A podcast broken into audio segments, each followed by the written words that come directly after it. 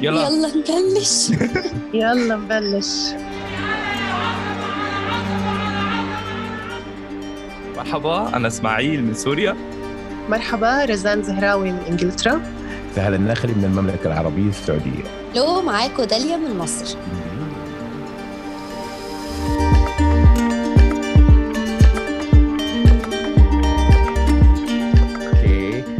تكلمنا في الحلقات الماضية عن الصدمات وعن الرايك وعن الترومات وال narcissism وأساسياتها وأشياء كثير. في حلقتنا اليوم هي أهم حلقة تعتبر لأن راح نتكلم فيها عن خطوات حل الصدمات. وفي البداية حتى تكون الحلقة متكاملة راح نطرح مفهوم بسيط بس عن ما هي الصدمة. ذكرنا هذا الشيء في أول حلقة ولكن راح نلخصه عشان تكون الحلقة متكاملة. آه ست رزان عرفي لنا ما هي الصدمة؟ آه، الصدمة هي موقف بيتعرض له الطفل أو البالغ بيتغير من خلالها آه، مشاعره آه، أو بتتغير برمجات ومفاهيم العقل. دائما نحن كنا نفتكر إنه الصدمة لازم تكون شيء كتير كبير موقف من حروب أو حادث أليم. آه، اكتشفنا بعدين إنه الصدمة ممكن تكون آه، طفل متوقع حضن أو اهتمام معين أو صوت عالي ممكن تعمل صدمة للإنسان يعني أو للطفل. ما شاء الله. okay في أحد عنده إضافة بهذا الخصوص؟ تمام. الصدمة هي عبارة عن برمجة برمجها العقل الباطن عشان آه، بحادث معين يعني حصل حادث فبرمج هذا المفهوم وبناء عليه صارت ال- المشاعر هذه تطفو عند الشخص الرايك هو زي مفهوم الليمون إحنا شرحناه قبل كده أكيد في بودكاست اللي حاب ياخذ التفاصيل هيلقاها في البودكاست الأول زي مفهوم الليمونة اللي أنت تتأثر لو شفت أحد يعصرها في فمه مع إنه ما عندك ليمون ولكن هي برمجه آه، برمجه في العقل الب- الباطن بناء عليها يصدر هذا الشعور. الرايك هو عبارة عن تقنية تفك هذه الصدمة وتخليك ما تشعر بهذه المشاعر إذا كانت مو موجودة، يعني الموقف إذا جاء موقف ما يخليك تتأثر بهذه المشاعر. الآن راح نشرح خطوات الرأيك هي في الأساس سبع خطوات آه، بنمشي عليها بحيث إننا خطوة ورا خطوة لين نوصل الإنسان يفك هذه البرمجة اللي برمجها في عقله الباطن. آه، يا ريت نعرف أول خطوة إسماعيل ولا داليا؟ تفضل. إسماعيل شكرا داليا. بنبلش بآخر موقف حصل معك الشعور اللي مضايقك بما معناه إنه إمتى آخر مرة حسيت بمثلا الخوف القلق التوتر الخجل إلى آخره؟ تفضلي داليا. لا تمام. بس هو طبعا يعني أنا أنا بفض- بفضل دايما إنه أول شيء إنه حدد exactly شو الشعور ال- اللي أنا راح أشتغل عليه. يعني مثلا إذا حد جاي يعمل جلسة عنده anxiety okay تمام. إحنا فهمنا إن المشكلة anxiety بس لازم دعبس شوية الأول هيك نبش عن شو الشعور الأساسي اللي راح أشتغل عليه. فهو أول أول خطوة بعتقد تحديد الشعور اللي راح نبلش نشتغل عليه بالجلسة. أوكي جميل جدا. اذا إحنا بنفهم من ال- ال- اللي جايين مثلا إنه عنده مشكلة أو إذا إحنا حابين نحل مشاكل مع نفسنا لأنه الرايك ممكن الواحد يشتغل به على نفسه. فبالتالي أول خطوة أنا أبحث عن هذه المشاعر. أبحث عنها بطريقة إني أقدر أفهمها. مو مشاعر عامة يعني مو خوف. الخوف ممكن من الظلام من المرتفعات من أشياء كثيرة. فأنا أحدد زي ما قالت داليا نوع. الخوف. نوع الخوف اللي أنا محتاج أشتغل عليه عشان أبدأ بالخطوة اللي بعدها. أوكي أنا حددت المشاعر الآن. أنا عندي مثلا خوف حددت هذا الشعور. إيش الخطوة اللي بعدها؟ ست رزان هلأ ممكن كمان آه، يعني لنقدر نحدد المشاعر بالضبط آه، نحتاج لموقف آه، أول. يعني من مثلا بنقول له آخر مرة صار معك هذا الشعور إمتى؟ كمان نرجعه لموقف وسطي. لحتى نحن يعني ناخذ منه هيك ال- الشخص شوية أحداث مع بعضهم حتى نفهم لأنه التحديد أحيانا في ناس بتجي بتكون عرفانة شو هي المشكلة عندها وفي ناس بيكونوا شوي ضايعين فلازم نسمع لهم شوي لحتى نحن نقدر نكتشف شو هو ال- ال- الموقف. فلازم كمان نسأل عن الموقف ال- اللي صار مؤخرا الموقف الوسطي ونرجع لورا كمان نسأل تعرف السؤال اللي هو من نحاول نحدد فيه إذا كان آه، ما عنده ذاكرة أبدا. فبنقول له مثلا آه، هل عشر سنين كان عندك هذا الشعور؟ هل ثمان سنين كان موجود هذا الشعور؟ هيك يعني. نعم تماما 100% لأنه إنه شوي كنت حكي عم بحكي إنه أحيانا في أشخاص بيجونا ما عندهم خلفيات خلينا نقول بال بالعلم النفس وبالمشاكل النفسية بشكل عام. so أكيد هو رح يجي يحكي لك موقف مثل أنا بعاني من الاكتئاب. بس أكيد الاكتئاب هو شعور آه عام. ما فينا نحدد من خلاله شيء. تمام؟ so أنا فكرت إنه ممكن كمان وقت ننتقل للموقف الوسطي اللي هو بنتأكد من الشعور هون بنحدد الشعور. وخصوصا عم نحكي هذا البودكاست أو بالأحرى هي الحلقة أه لحتى نفهم الناس شو هي طريقة الرايك وبنفس الوقت نساعدهم إنه هن يطبقوها ذاتيا. okay. طيب في عندنا كمان آه، طريقة اللي هي نسميها testing the opposite أو استفزاز المشاعر. في حالة إنه الشخص ما قدر يفهم إنه إيش نوع المشاعر اللي حاب يشتغل عليها. عنده مشاعر مختلطة عنده خوف وعنده قلق وعنده أشياء كثير. فهو ممكن يعمل testing the opposite كيف ال testing the opposite يتعمل ممكن تشرحي لنا يا ست رزان.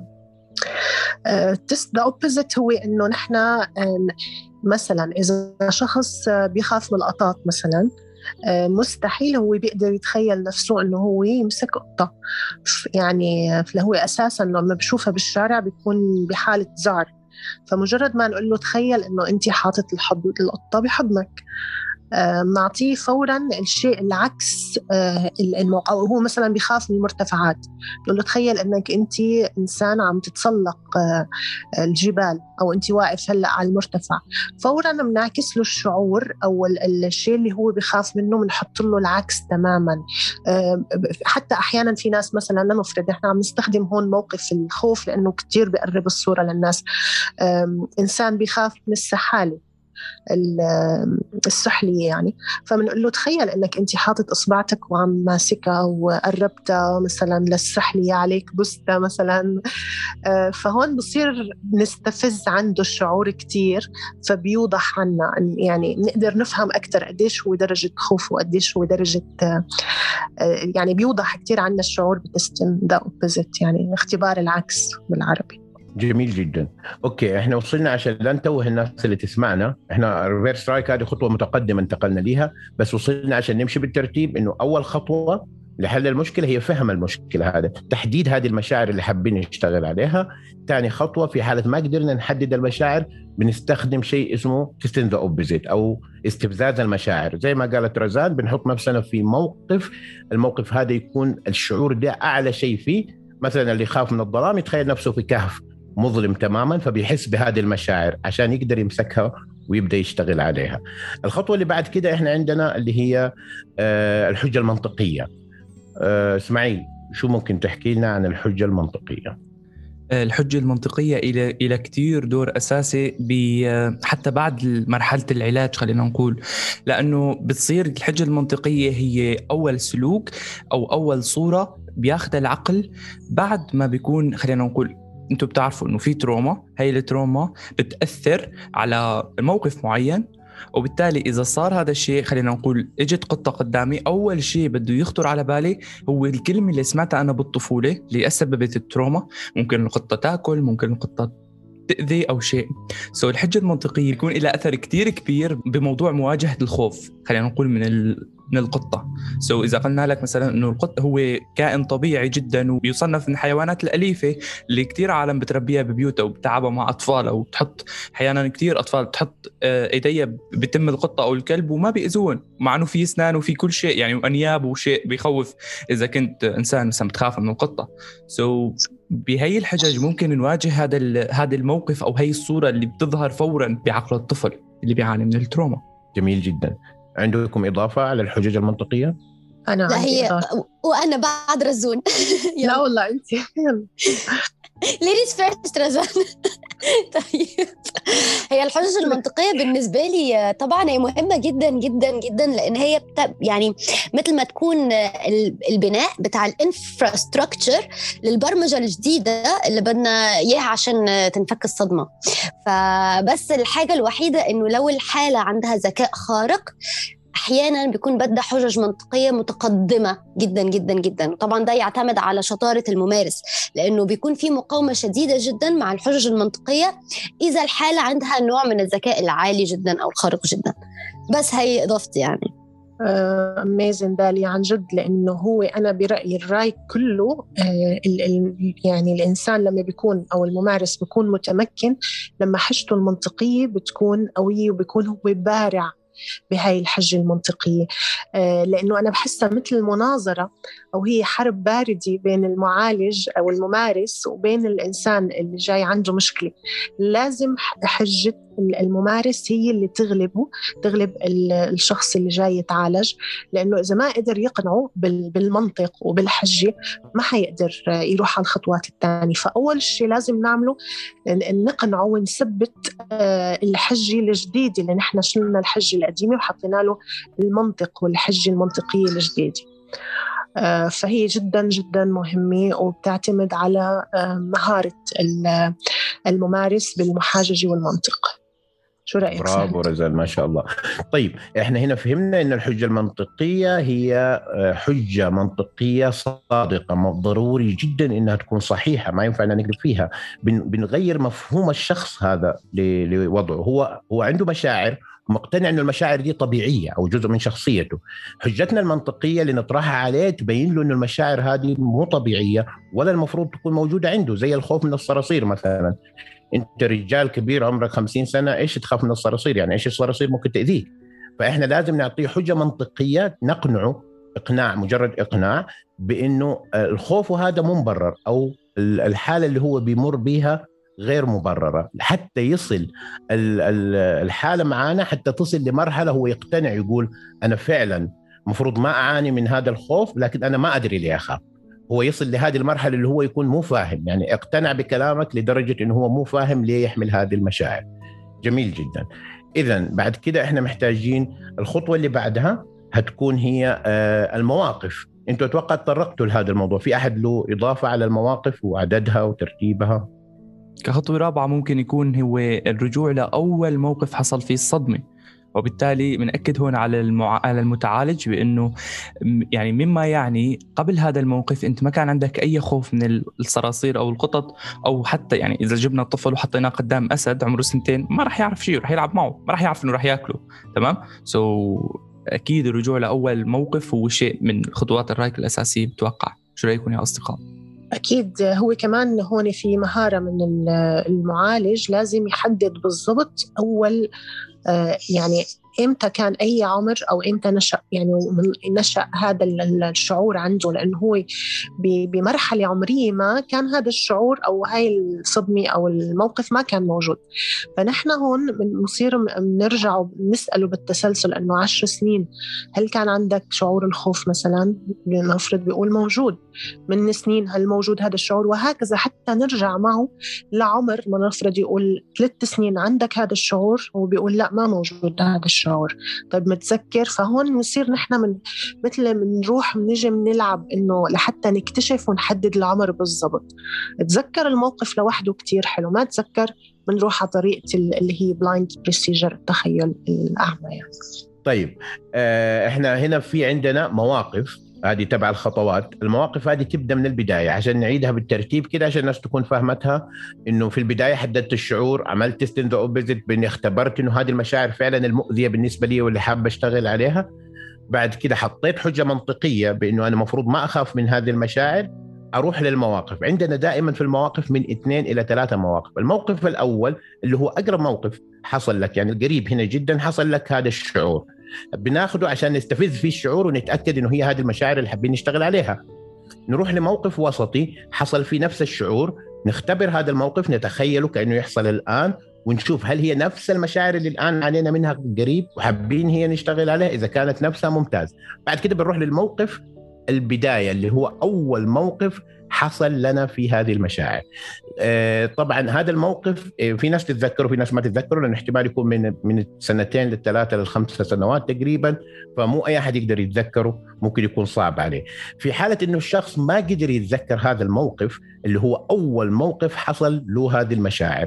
فنضطر ان نستخدم تقنية اسمها ال blind procedure شو حابين تكلمونا عن ال blind procedure أكثر شغلة بحبها أنا بصراحة ال blind procedure بستمتع فيها ما بعرف ليش لأنه آه، بحس بساعد الشخص اللي هو أساسا بيجي بيقول لي أساسا معقول أنا سنتين أتذكر مستحيل يعني أو أو هو بيقول لي أنا مثلا من تحت العشر سنين ما عندي ذاكرة ابدا وما بتذكر أي شيء. طبعا هون بثبت له إنه انت ماحي هاي الذاكرة لأن هي ذاكرة مؤلمة. فخلينا نعمل هذا التمرين اللي أنا بسميه هو هيك تمرين سحري بنطلع ملف هو موجود بس هو عقله آه، الواعي ماحي بس هو موجود باللاوعي. فبنرجع آه، من بنشتغل ال testing the opposite ما بعرف إذا الوقت بيسمح لي إنه نشرح شوي عنه. blind procedure blind procedure في قصة صغيرة حابة أخبركم إياها لأن عن جد ال blind procedure رهيب في إنه هيك بينعنش الذاكرة بينعنش كل شيء العقل قرر إنه يمحيه. وغالبا هاي الصدمة أصلا بتكون في في الذكريات اللي قررنا نمحيها. آه، كنت جربت أعمل مع جدتي رايك session ف قالت لي يعني انت بتهبلي يا داليا؟ أنا مستحيل أفتكر حاجة وأنا حصلت لي وأنا عندي سنتين يعني مستحيل.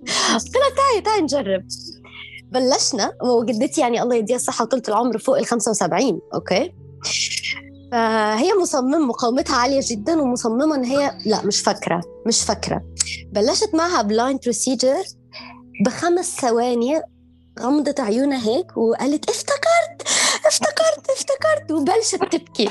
هاي اللحظة كان عن جد أول مرة أنا أحس إن blind procedure هي كان بأول ما بلشنا الدورة مع محمد أه حسيت قد إيه ال blind procedure عن جد it's like magic فعلا فعلا بيذكرنا بأشياء مستحيل كنا يجي عبالنا نحن نفتكرها.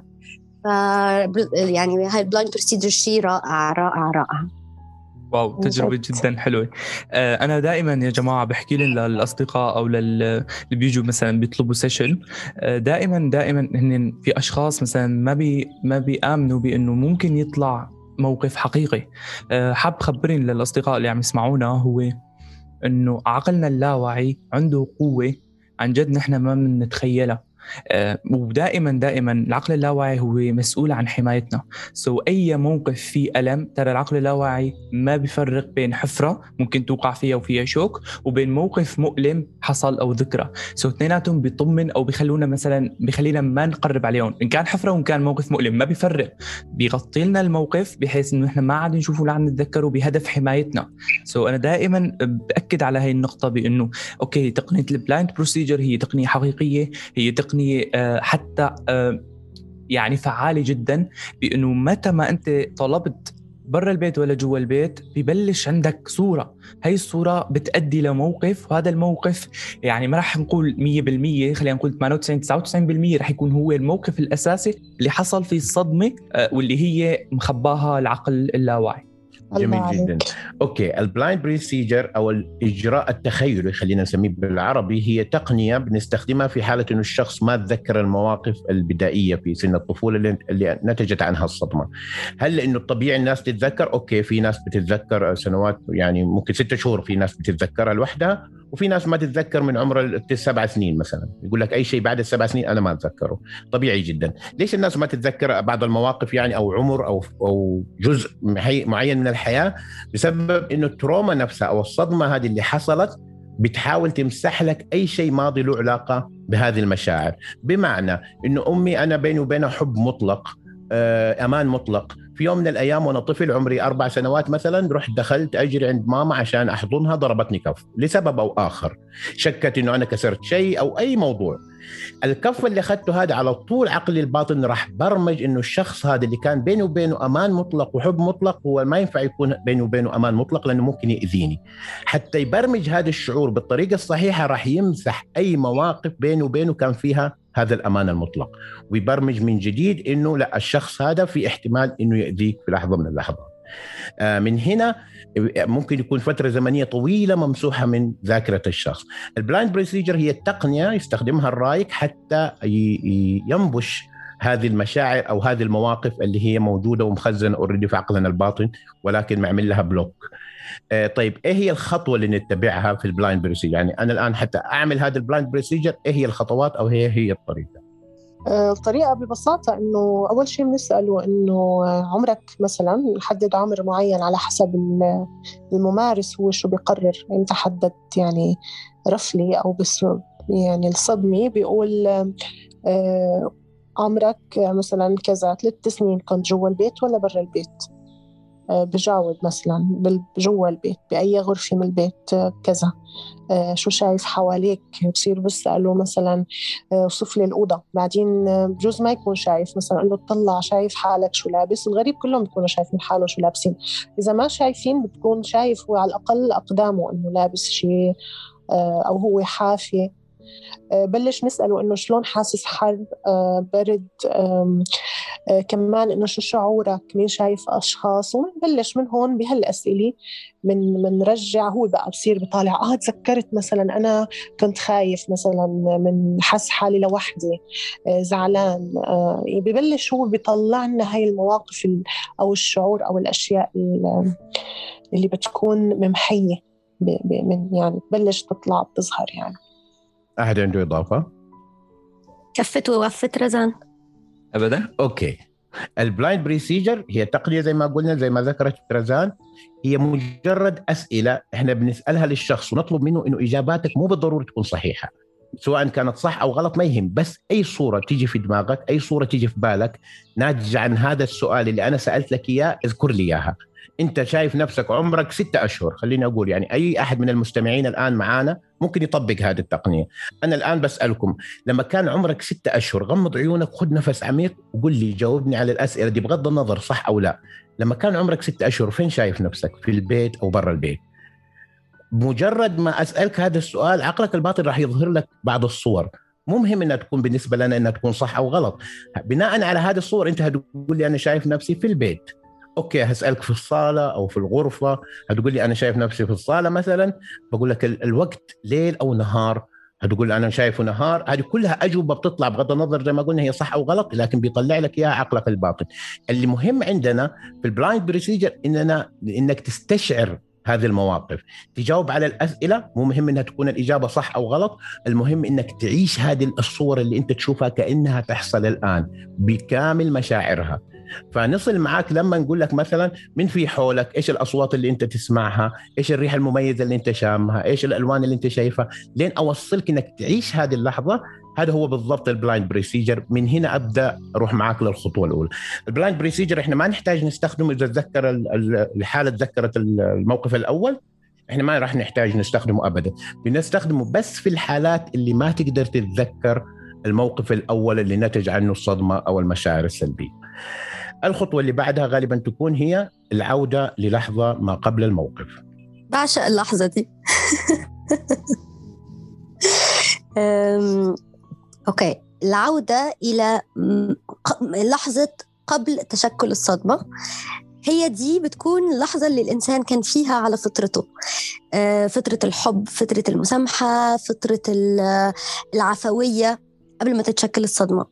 وانس نقدر إن إحنا نرجع لهي اللحظة ونخلي الحالة تعيشها بحذافيرها تستشعر كل ما فيها من حب وأمان وعدم انكسار ل ولا لرمز الأب ولا لرمز الأم ولا يعني قبل ما تكون أي صدمة متكونة متشكلة آه هون بنوصل لتقريبا المرحلة اولموست الأخيرة. لأنه وانس بنستعيد الأمان خلاص بنقدر نعرف إنه إحنا فينا نكون هيك كمان مرة. فهي اللحظة اللي دايما أنا بنبش عليها يعني بكون بادية جلسة الراك ونفسي نفسي بقى أوصل للحظة دي. خلاص عشان عارفة وانس وصلت هناك المشكلة بتكون بإذن الله يعني اتحلت. لحظة داليا أنه ما دايما الوصول لها بالسهولة في ناس يعني هون تكمن المقاومة.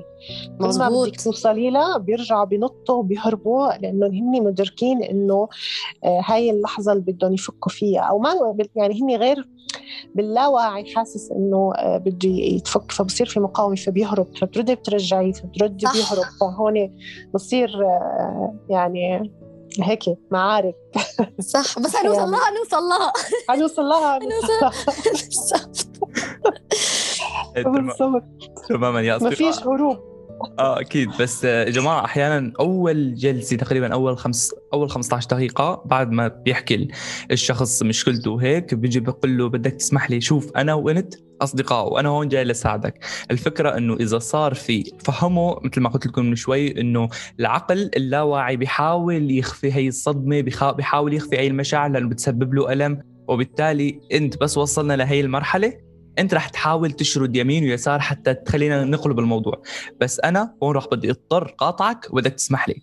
ويا جماعة عن جد وقتها بنوصل لهذا الشعور ويحاول يهرب. أنا بقول له بس بدك تسمح لي هون أنا بدي قاطعك لأنه هون يعني تكون التروما. وهون بصير يضحك وبالفعل بيتقبل هذا الموضوع وبصير آه يعني من جد تنفك الصدمه ودائما بنعرف إنه بس رجعنا لقبل الموقف ب خلينا نقول حسب الموقف ممكن قبل دقائق قبل ساعات اللي بيصير هون 50% من المشاعر بتختفي وبعدين بيكون بالخطوة اللي الأخيرة اللي هي الرجوع والتقديم على الخط الزمني وهون بترك المايك لصديقي سهل.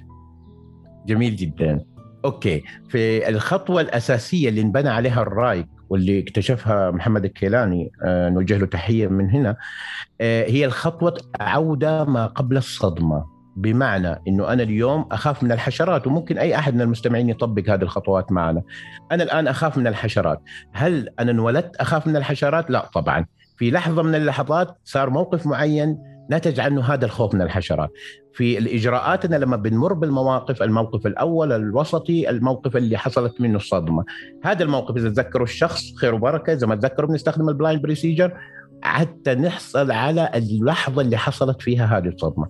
أول ما نحصل على هذه اللحظة أو استخدمنا ال blind procedure مثلا ووصلناه العمر ما كانت عنده هذه المشاعر ما كانت تعني له هذه المشاعر أي شيء. بمعنى الخوف من الحشرات لما يكون يشوف مثلا صرصار متعدي من جنبه هو طفل ما كان يفرق معه. إحنا وإحنا أطفال كنا نجري ورا الصراصير نأذيها.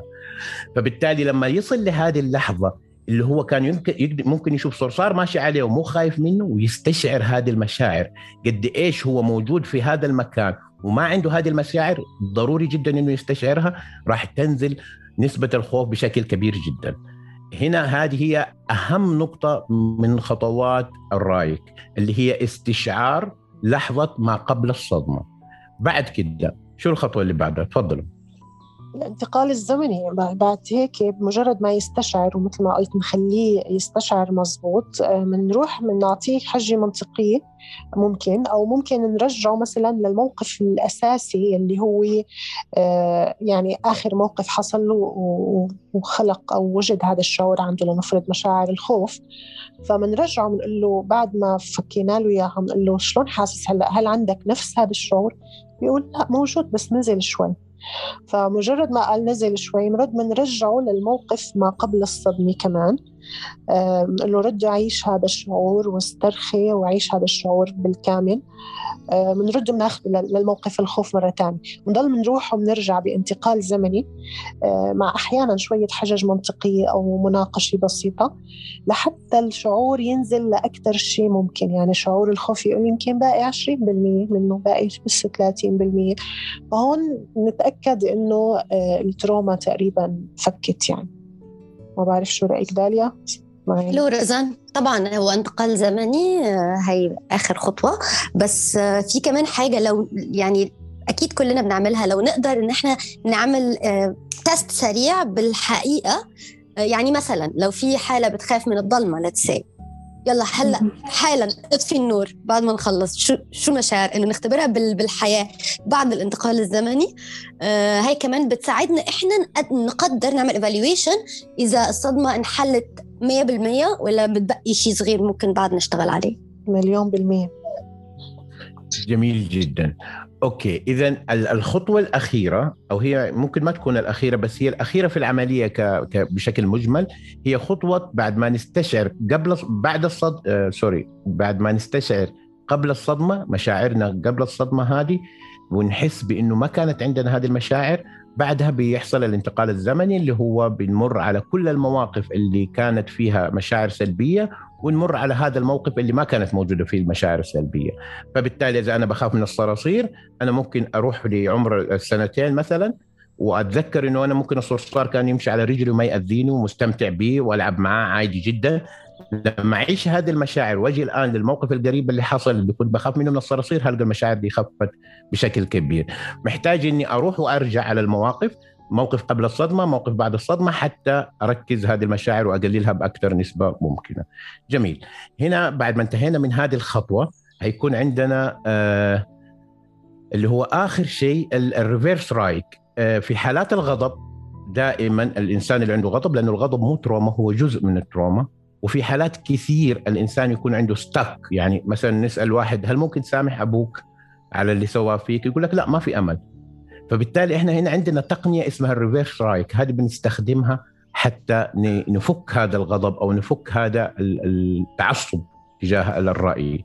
شو ممكن تحكوا لنا عن ال reverse رايك ال reverse رايك هو المعلم والماستر آه، بالمسامحة يعني وبيعمل yes. ما فينا بالضبط.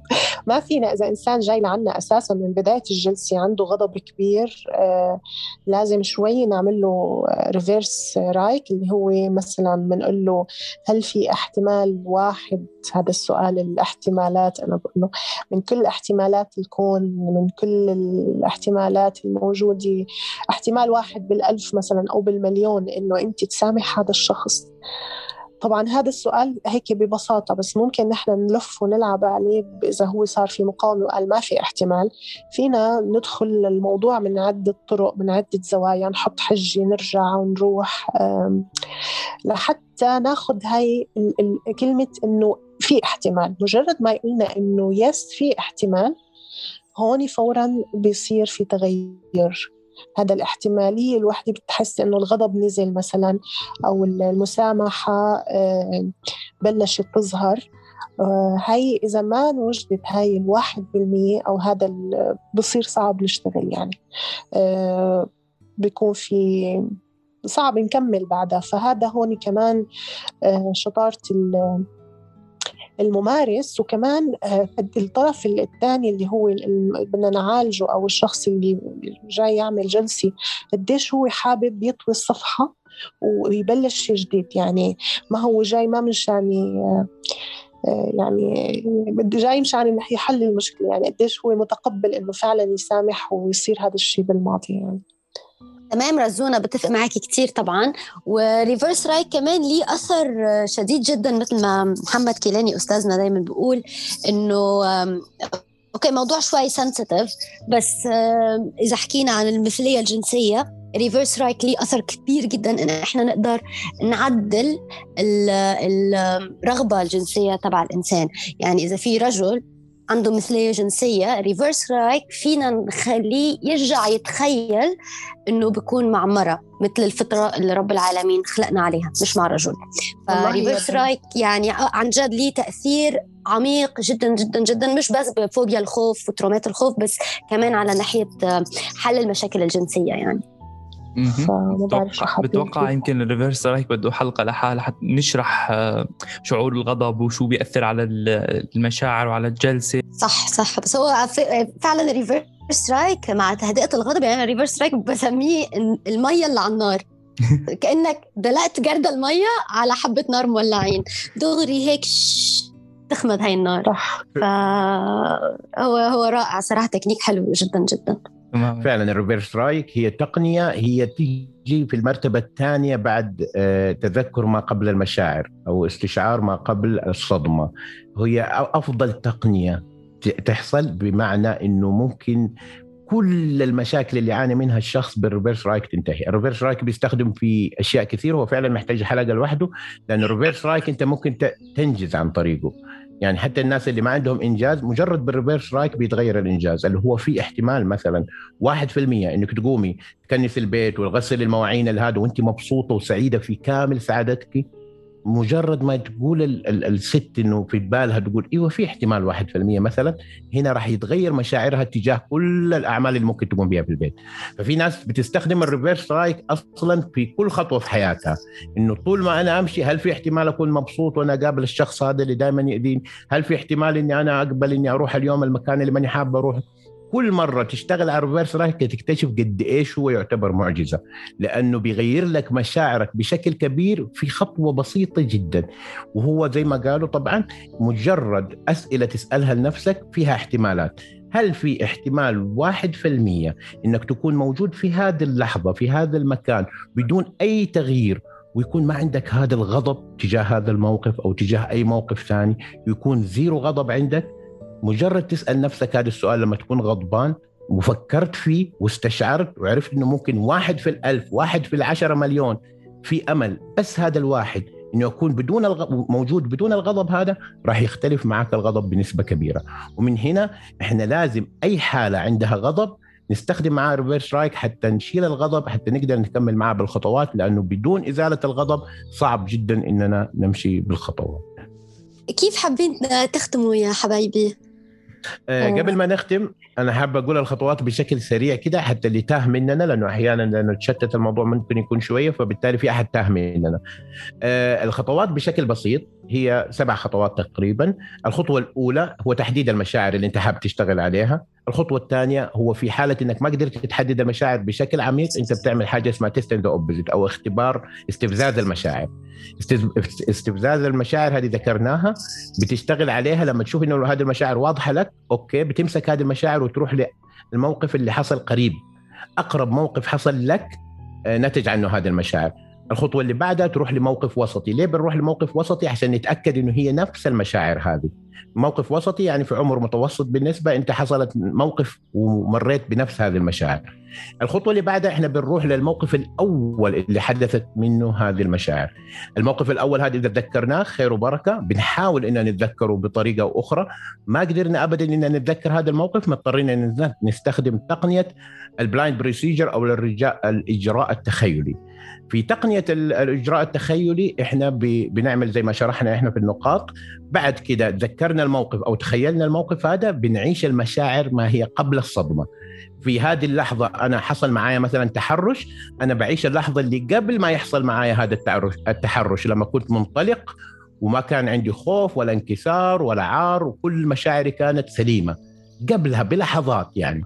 وقتها بعد ما نستشعر هذا الشيء بنروح نروح الخطوة اللي بعدها اللي هي التنقل بين المواقف اللي هو back and forth بحيث إنه أستشعر قبل الصدمة وبعد كده أستشعر الموقف اللي حصل فيه هذه المشاعر السلبية وأشوف قد إيش المشاعر هذه نزلت نسبتها نزلت.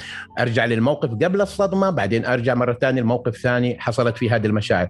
لما المشاعر هذه تكاد أن تختفي أو تختفي تماما.